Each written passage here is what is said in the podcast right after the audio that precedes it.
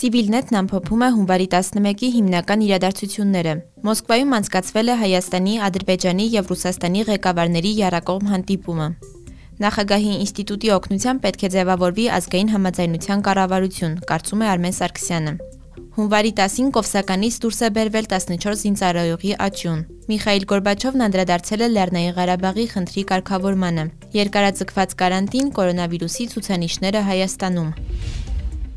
Մոսկվայում անցկացվել է Հայաստանի, Ադրբեջանի եւ Ռուսաստանի ղեկավարների եռակողմ հանդիպումը։ Փաշինյանն ու Ալիևը վերջին անգամ հանդիպել էին Մյունխենում 2020 թվականի փետրվարին։ Փաշինյանն ու Ալիևը դահլիճ են մտել տարբեր մուտքերից։ Նրանք միմյանց ձեռք չեն սեղմել, Հայաստանի եւ Ադրբեջանի ղեկավարները բավարարվել են բանավոր ողջույնով։ Ռուսաստանի Դաշնության նախագահն իր ողջույնի խոսքում նշել է, որ պետք է նշмарել կարգավորման հետագա քայլերը, այդ թվում խաղաղապահների սահմանազատման հարցերը։ Նա համոզված է, որ Ղարաբաղյան հնացած հակամարտության համապարփակ կարգավորման համար նախադրյալներ են ստեղծվել։ Գնահատելով իրավիճակը Լեռնային Ղարաբաղում Պուտինն այն որակել է հանգիստ։ Ռուսաստանի նախագահը իր խոսքում անդրադարձել է ԵԱՀԿ Մինսկի խմբին, ասելով, որ Լեռնային Ղարաբաղում իր բոլոր գործողություններում Ռուսաստանը հետևել է Մինսկի խմբի սկզբունքներին։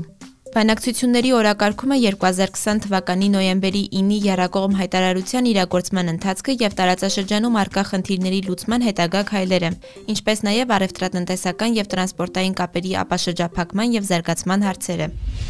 Հայաստանի նախագահ Արմեն Սարգսյանը հոդված է հրապարակել դեպի 4-րդ հանրապետություն վերնագրով, որտեղ անդրադառնում է Հայաստանում ստեղծված իրավիճակին, նշում, որ միակ դրամաբանական եւ քաղաքակիրթ տեղատոմսը խելամիտ ժամկետներում արտահերտ ընտրություններն են, ընտրական օրենսգրքի եւ սահմանադրության անհրաժեշտ փոփոխություններով։ Մինչ այդ նրա խոսքով նախագահի ինստիտուտի օգնությամբ պետք է ձևավորվի ազգային համաձայնության կառավարություն, որի գլխավոր առաքելությունը նախագահը տեսնում է 3 նպատակների իրականացման մեջ։ Առաջինը պատերազմի անմիջական հետևանքների վերացումն է։ Բոլոր գերիների, պատանդների եւ տեղահանված անձած վերադարձ, վիրավորների պատշաճ բուժում եւ խնամք, անվերված տների եւ բնակարանների նորոգում եւ նորմալ կենսապայմանների ապահովում, այդ թվում տնազուրկների համար։ Երկրորդը պետությունը քաղաքական եւ տնտեսական ճգնաժամից դուրս բերելու ճանապարհային քարտեզի նախապատրաստում եւ կիրառում։ Երրորդը խելամիտ ժամկետներում գալիք ընտրությունների համար անհրաժեշտ պայմաններ ստեղծելու նպատակով նորմատիվ իրավական բազայի բարեփոխում, այսինքն ընտրական օրենսգրքի, կուսակցությունների մասին օրենքի եւ սահմանադրության բարեփոխումներ։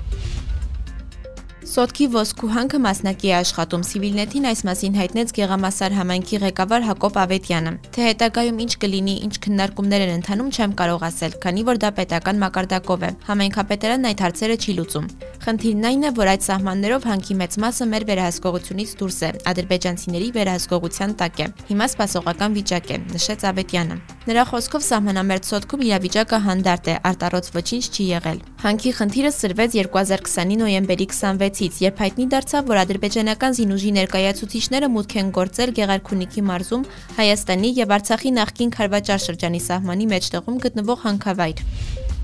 Հունվարի 10-ին Կովսականից Զանգելանից դուրս է բերվել 14 զինծառայողի աճյուն։ Ընդհանուր առմամբ որոնողական աշխատանքների արդյունքում նոյեմբերի 13-ից առ այսօր հայտնաբերվել են 1211 զինծառայողի եւ քաղաքացիական անձանց աճյուններ։ Այս մասին Civilnet-ին հայտնել է Արցախի արտակարգ իրավիճակների պետական ծառայության տեղեկատվության եւ հասարակայնության հետ կապերի բաժնի պետ Հունան Թադևոսյանը։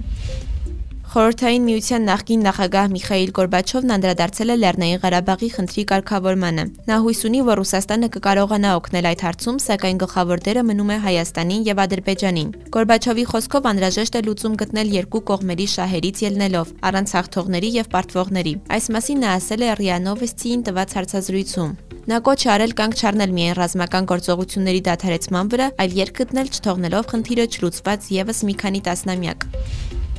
Հայաստանում սեպտեմբերի 11-ից գործող կարանտինը երկարաձգվել է եւս 6 ամսով։ Հունվարի 11-ի դրությամբ Հայաստանում հաստատվել է կորոնավիրուսի 157 նոր դեպք, կատարված թեստերի 15.3%-ը։ Առողջացել է 561 մարդ, գրանցվել է մահվան 2 դեպք։